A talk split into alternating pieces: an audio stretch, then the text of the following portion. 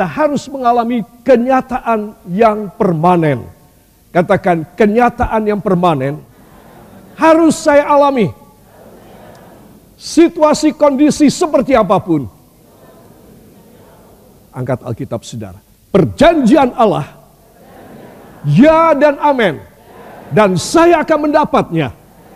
Demi nama Yesus. Amin. Haleluya. Beri tepuk tangan yang baik bagi dia. Saudara saya perlu mengajak saudara sekali lagi untuk melihat dua buah ayat dari Alkitab kita. Dari 2 Samuel pasal yang ketujuh. Para kekasih mohon dibuka 2 Samuel pasal yang ketujuh. Ayat 25 dan 29. Saya, saya harap supaya saudara membaca dengan suara yang nyaring. Dan saya yakinkan saudara di rumah juga dan kapan saja saudara meretrieve khotbah saya ini dari YouTube. Saudara membaca dengan suara membaca dengan suara itu satu syarat ya saudara. Maka saudara akan mendapatkan khasiat daripada apa yang saudara baca. Ya saudara. Luar biasa hal itu. Saudara mendapat satu berita entah dari atasan saudara ataupun dari seseorang yang mengasihi saudara surat tersebut ataupun dari WhatsApp ataupun dari email saudara kalau saudara membaca wah ini lain dari yang lain nih. Tidak biasanya dia bilang begini Saudara akan mencoba mengejanya, melafalkannya. Kiranya engkau sekarang berkenan memberkati keluarga hambamu ini. Wow, wow banget. Saudara, saudara tidak membaca dalam hati. Mm, mm, mm, mm, mm, mm. Ya, saudara, itu tidak. Saudara akan sangat ekspresif. Itu sebab saya ingin saudara membaca dua buah ayat ini dari 2 Samuel pasal yang ke-7 ayat 25 dan 29. Satu, dua. Dan sekarang, ya Tuhan Allah, tepatilah untuk selama-lamanya janji yang kau ucapkan mengenai hambamu ini dan mengenai keluarganya. Dan lakukanlah seperti yang kau janjikan itu. 29. Kiranya engkau sekarang berkenan memberkati keluarga hambamu ini. Supaya tetap ada di hadapanmu untuk selama-lamanya Sebab ya Tuhan Allah, Engkau sendirilah yang berfirman. Dan oleh karena berkatmu, keluarga hambamu ini diberkati untuk selama-lamanya. Amin. Katakan luar biasa. Beri tepuk tangan yang baik bagi dia. Haleluya. Saudara dalam ayat 25 sekali lagi saya jelaskan. Dan sekarang ya Tuhan Allah tepatilah untuk selama-lamanya perjanjian yang telah yang telah kau katakan, yang telah kau berikan kepada hambamu dan isi rumah tangga hamba. Saudara seorang raja yang meminta Tuhan untuk menggenapi janjinya. Apa sebab? Karena dia merasa kurang. Menjadi raja itu kurang. Harus ada berkat dari Tuhan. Maka Tuhan baru memberkati aku luar biasa, bangsa dan negara aku luar biasa aku harus meminta Tuhan memberkati di atas kepalaku. Saya memberitahu kepada saudara, tidak ada satu keberhasilan dari seorang bahkan raja sekalipun. Kalau bukan dia tidak diberkati oleh Tuhan, dia tidak bisa berhasil. Saudara. Dan Daud mengerti dengan persis akan hal ini. Itu sebab dia berkata, Ya Tuhan, Biarlah engkau lakukan semua perjanjianmu yang telah kau berikan pada hambamu ini bersama keluarganya. Supaya engkau memenuhkannya untuk selama-lamanya. Kenapa dia minta untuk selama-lamanya? Sebab dia tahu dia dan anak-anak keturunannya tidak mungkin hidup sempurna. Tidak mungkin tanpa cacat dan tanpa celah. Tidak mungkin imakulata. Karena hanya manusia biasa. Ini loh saudara yang harus contoh. Raja itu tidak kurang apa pun. Saudara. Tetapi dia tetap memohon Tuhan berkatilah hambamu ini. Dan seluruh isi rumah tangga hamba. Supaya tetap ada. Supaya tetap ada di hadiratmu untuk selama-lamanya. Makanya berkatilah supaya keluarga hambamu selama-lamanya ada di hadiratmu.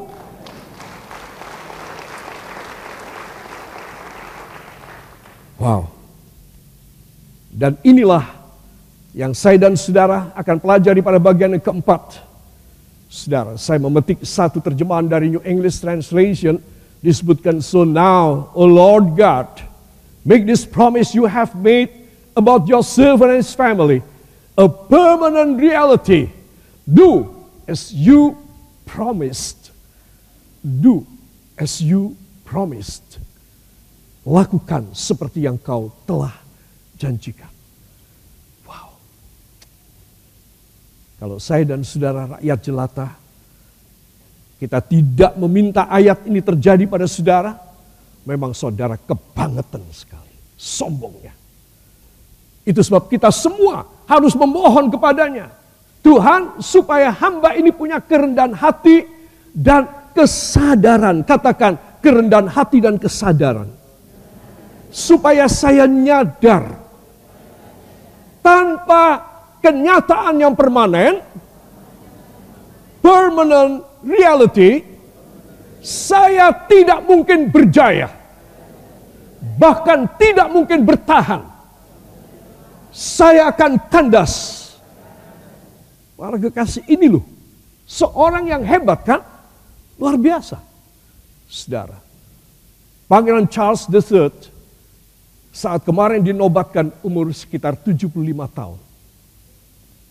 Saudara, beliau sudah menanti 70 tahun harusnya. Saudara, tetapi harus ditunda 73 tahun. Supaya bisa mewarisi tahta kerajaan. Saudara, kalau saudara melihat semuanya serba gemerlap karena memang negara ini, kerajaan ini dari sejak zaman dahulu sudah diberkati oleh Tuhan. Saudara bisa bayangkan di mana-mana emas yang tebal dan benar-benar emas. Saudara, kita punya emas gini Sudah bangga sekali. Saben minggu dipakai. Tuh? Ya. Saudara, Ibu dan Bapak maafkan saya, ada yang pakai emas setengah ons, leher, dan jalannya gini. Tidak ada, ya.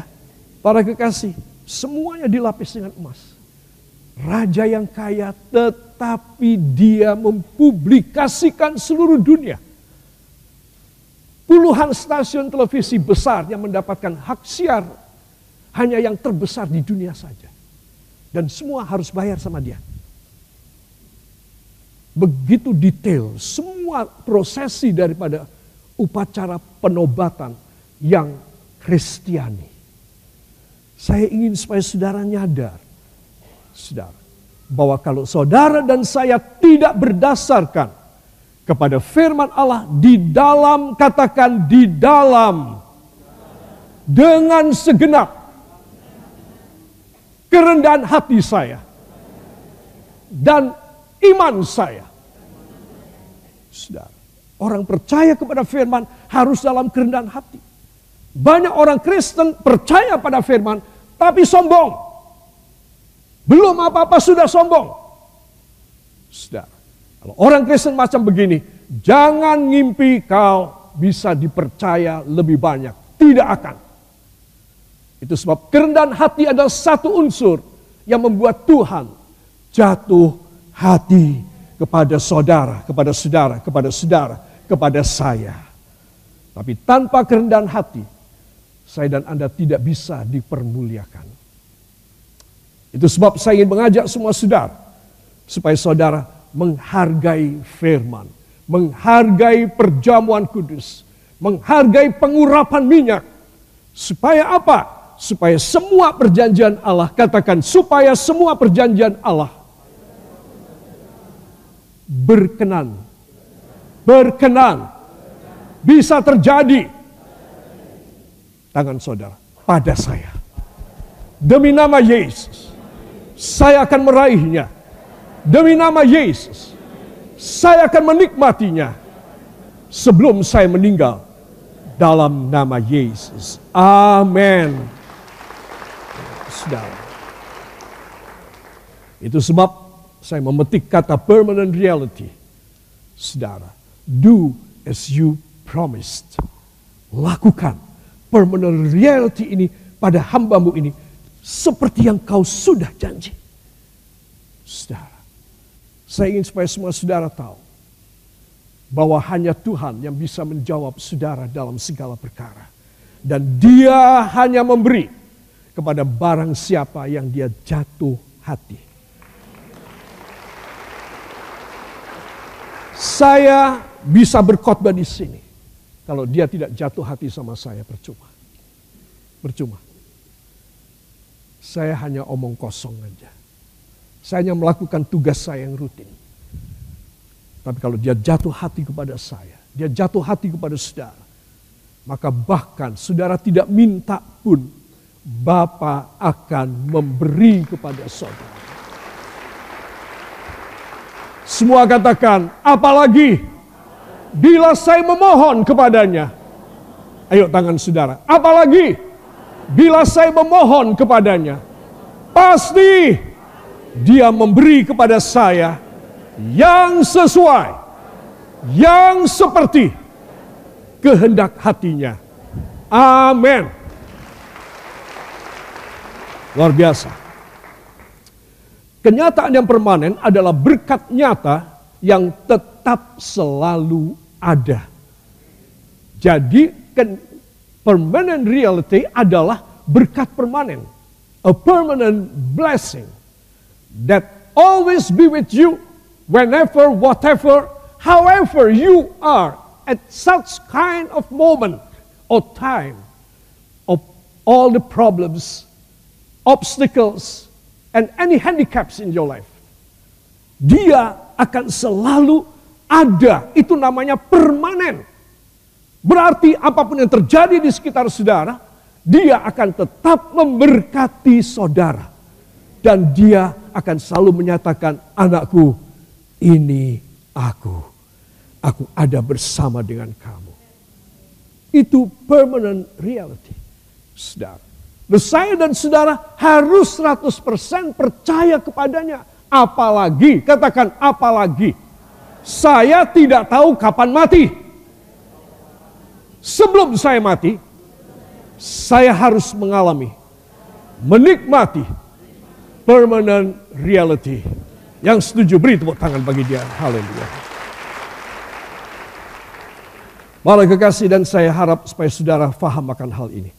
Gawatkah sehingga harus punya permanent reality gawatkah? Saya bilang sesuai Alkitab saja ya. Karena saya kan pengetahuannya kecil seperti tempurung di dalam kata. Ya. Oh kebalik ya. Seperti kata dalam tempurung. Tetapi Alkitablah yang begitu tahu masa depan.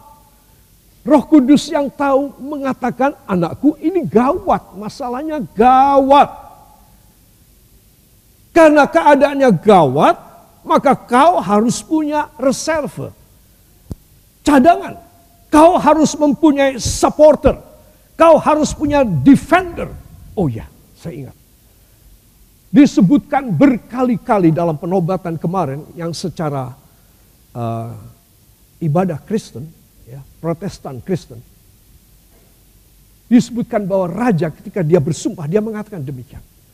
Aku bersumpah bahwa aku Charles III, aku akan menjadi seorang defender of faith. Aku adalah pahlawan, penahan dan penahan dan aku adalah defender Aku adalah aku adalah yang melindungi dan akulah yang menjaga, ah, penjaga. Akulah penjaga iman bagi kerajaan Inggris. Aku orang nomor satu sebagai penjaga iman dari kerajaan Inggris dan Commonwealth 14 negara lain. Aku penjaga iman.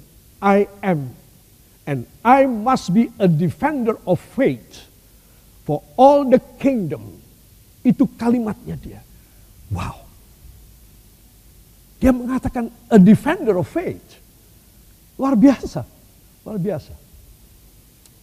Dia akan menjaga iman kekristenan. Di seluruh Inggris. Saudara, itu dia punya sumpah. Jadi saya ingin supaya semua saudara juga memperhatikan bagaimana saudara dan saya bisa dipercayai banyak kalau saudara itu plin-plan. Saudara itu melempem. Para kekasih lihat. Seringkali saya dan saudara itu melempem semangatnya. Tapi saudara cita-citanya tinggi banget. Ya saudara, luar biasa cita-cita saudara. Permintaan saudara itu super. Mungkin raja pun tidak pernah minta seperti saudara. Ya, tapi saudara minta. Oke, Tuhan bilang oke. Tapi kamu itu kualitasnya MLM. Melempem. Jadi aku gak bisa kasih sama kau. Tidak bisa. Gak tahu besok anakmu kalau gak melempem dia tak kasih. Saudara. Kalau anakmu seperti kamu gak tak kasih. Itu sebab saudara harus yang semangat. Apa pun harus semangat. Kalau saudara tidak semangat, maka Tuhan melihat aku tidak bisa pakai orang yang sedemikian. Ya, aku harus mempunyai orang-orang yang menjadi defender of faith. Aku harus menjadi penjaga iman. Aku mempunyai orang-orang yang bisa menjaga iman di dalam keluarganya. Amin. Yang mau beri tepuk tangan yang baik bagi dia. Saudara yang kekasih, inilah saat yang gawat. Makanya saya bilang, ini harus kita perhatikan. Dalam 1 Tesalonika 3 ayat yang ketiga, kita akan baca. Satu, dua. Supaya jangan ada orang yang goyang imannya. Karena kesusahan-kesusahan ini. Kamu sendiri tahu bahwa kita ditentukan untuk itu.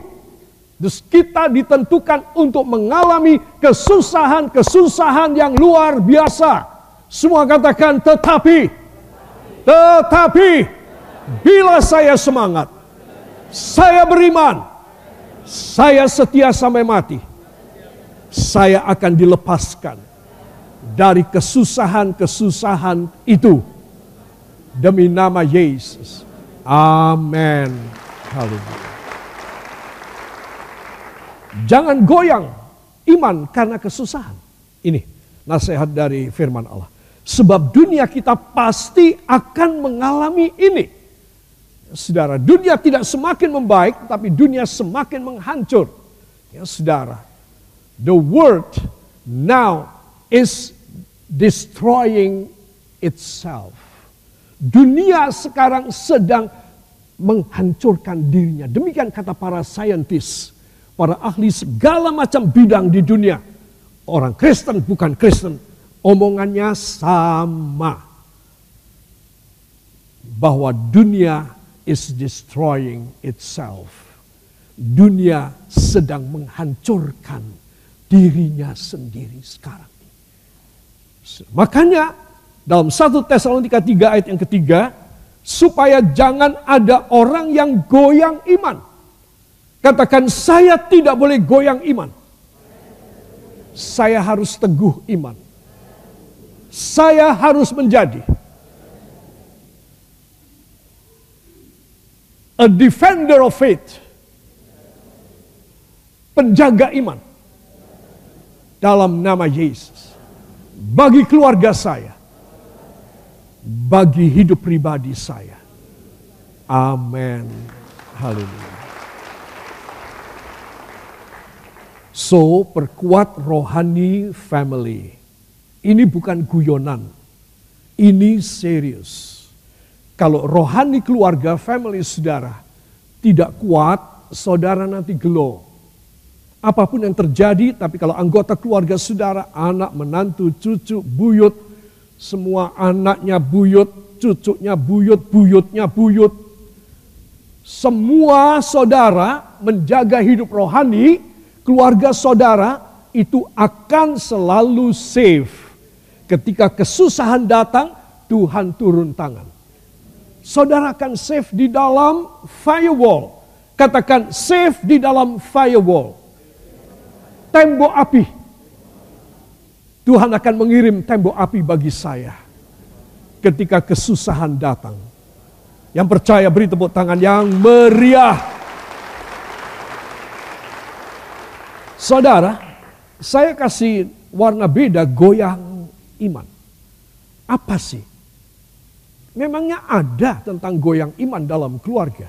Mari kita akan membuka Matius pasal yang ke-10 ayat 21. Injil Matius pasal yang ke-10 ayat 21. Satu, dua. Orang akan menyerahkan saudaranya apa? Untuk dibunuh. Demikian juga seorang ayah akan anaknya dan anak-anak akan akan memberontak terhadap orang tuanya dan akan dan akan kita nggak tega ya bacanya ya. Iya.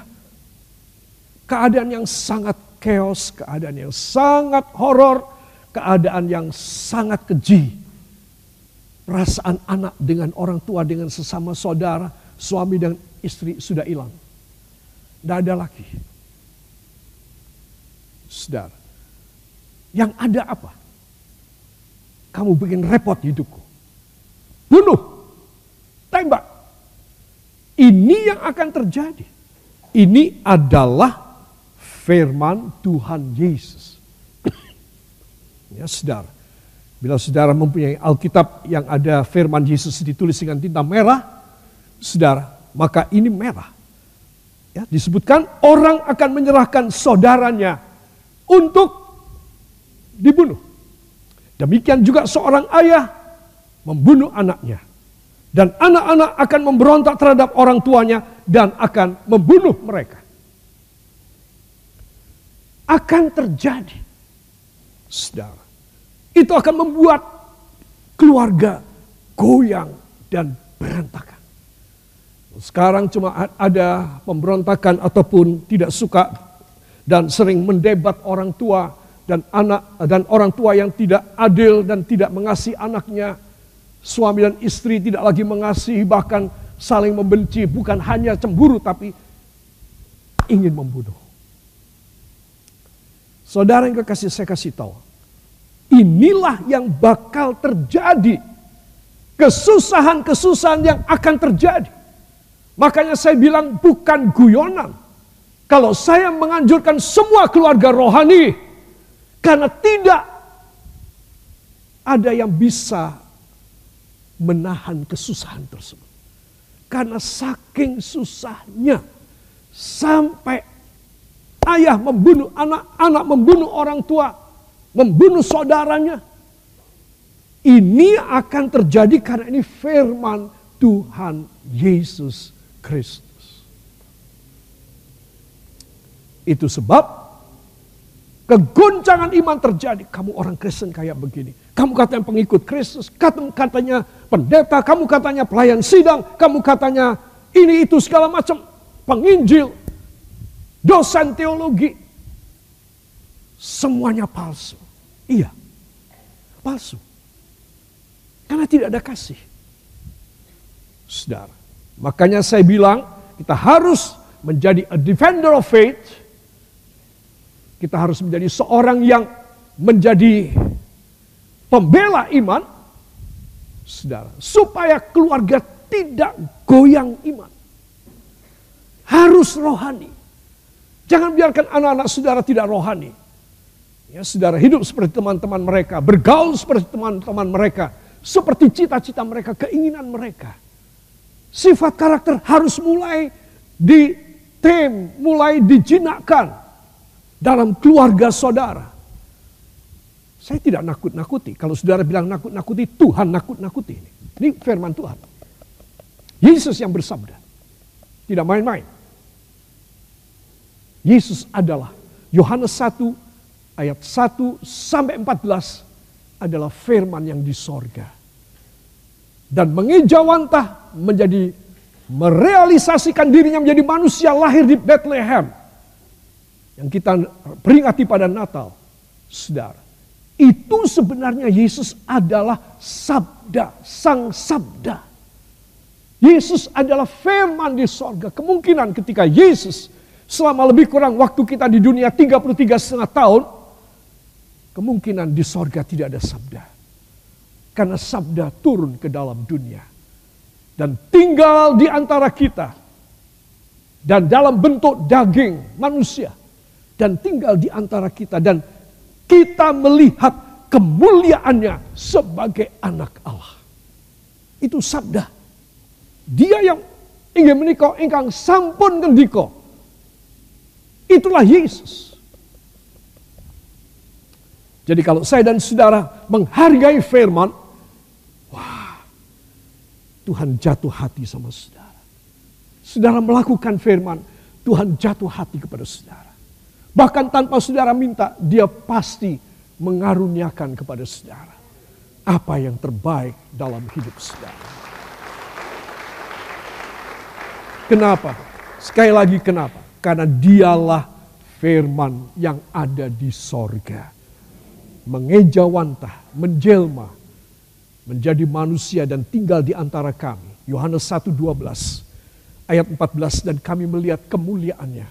Kemuliaan anak Allah yang hidup. Yohanes 6, 68, 69. Yesus berkata kepada Simon Petrus.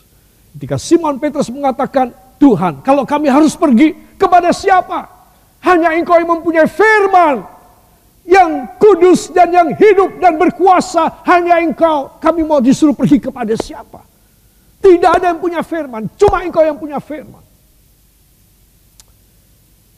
Itu sebab Yesus mengatakan, barang siapa percaya kepada firmanku, maka dia akan diselamatkan pada akhir zaman. Dan saudara yang percaya kepada firman, saudara akan menerima kehidupan yang kekal. Setelah melewati semua kesusahan yang sebenarnya saudara tidak melewati. Tetapi saudara diangkat dengan tangan Allah. Umpamanya di sini kesusahan, api pencobaan, api kesusahan yang dahsyat dan luar biasa panas, saudara engkau akan diangkat oleh Tuhan. Kau tidak ada yang gosong, tidak ada yang menjadi krul rambutmu, tidak ada. Karena kepanasan, tidak. Itu sebab para kekasih, saya percaya Tuhan telah berbicara dalam hati saudara. Dan saya yakin kuasa kemuliaan dari Tuhan akan membuat saudara tersadarkan. Aku tidak bisa selamat di akhir zaman. Kalau aku tidak mempunyai firman. Dan firman harus terjadi kepadaku. Raja-raja saja, Raja Daud, Raja Charles King III, Raja saja sangat mengharapkan dari Tuhan Yesus. Semua doanya ditutup di dalam nama Tuhan Yesus Kristus. Lain kali saya akan usulkan ditambah apa tambahnya? Juru selamat dan penebus kami. Lalu jemaat menjawab, Beri tepuk tangan bagi dia. Mari angkat tangan kanan saudara. Taruh tangan kiri pada jantung saudara. Terima kasih Tuhan Yesus. Pagi ini firman menyelamatkan hamba. Menjaga hamba hamba berjanji menjadi defender of faith, menjadi penjaga iman, pembela iman dalam nama Yesus, supaya hamba isi rumah tangga hamba kau selamatkan karena kesusahan-kesusahan yang bakal terjadi di seluruh dunia dalam nama Yesus. Amen.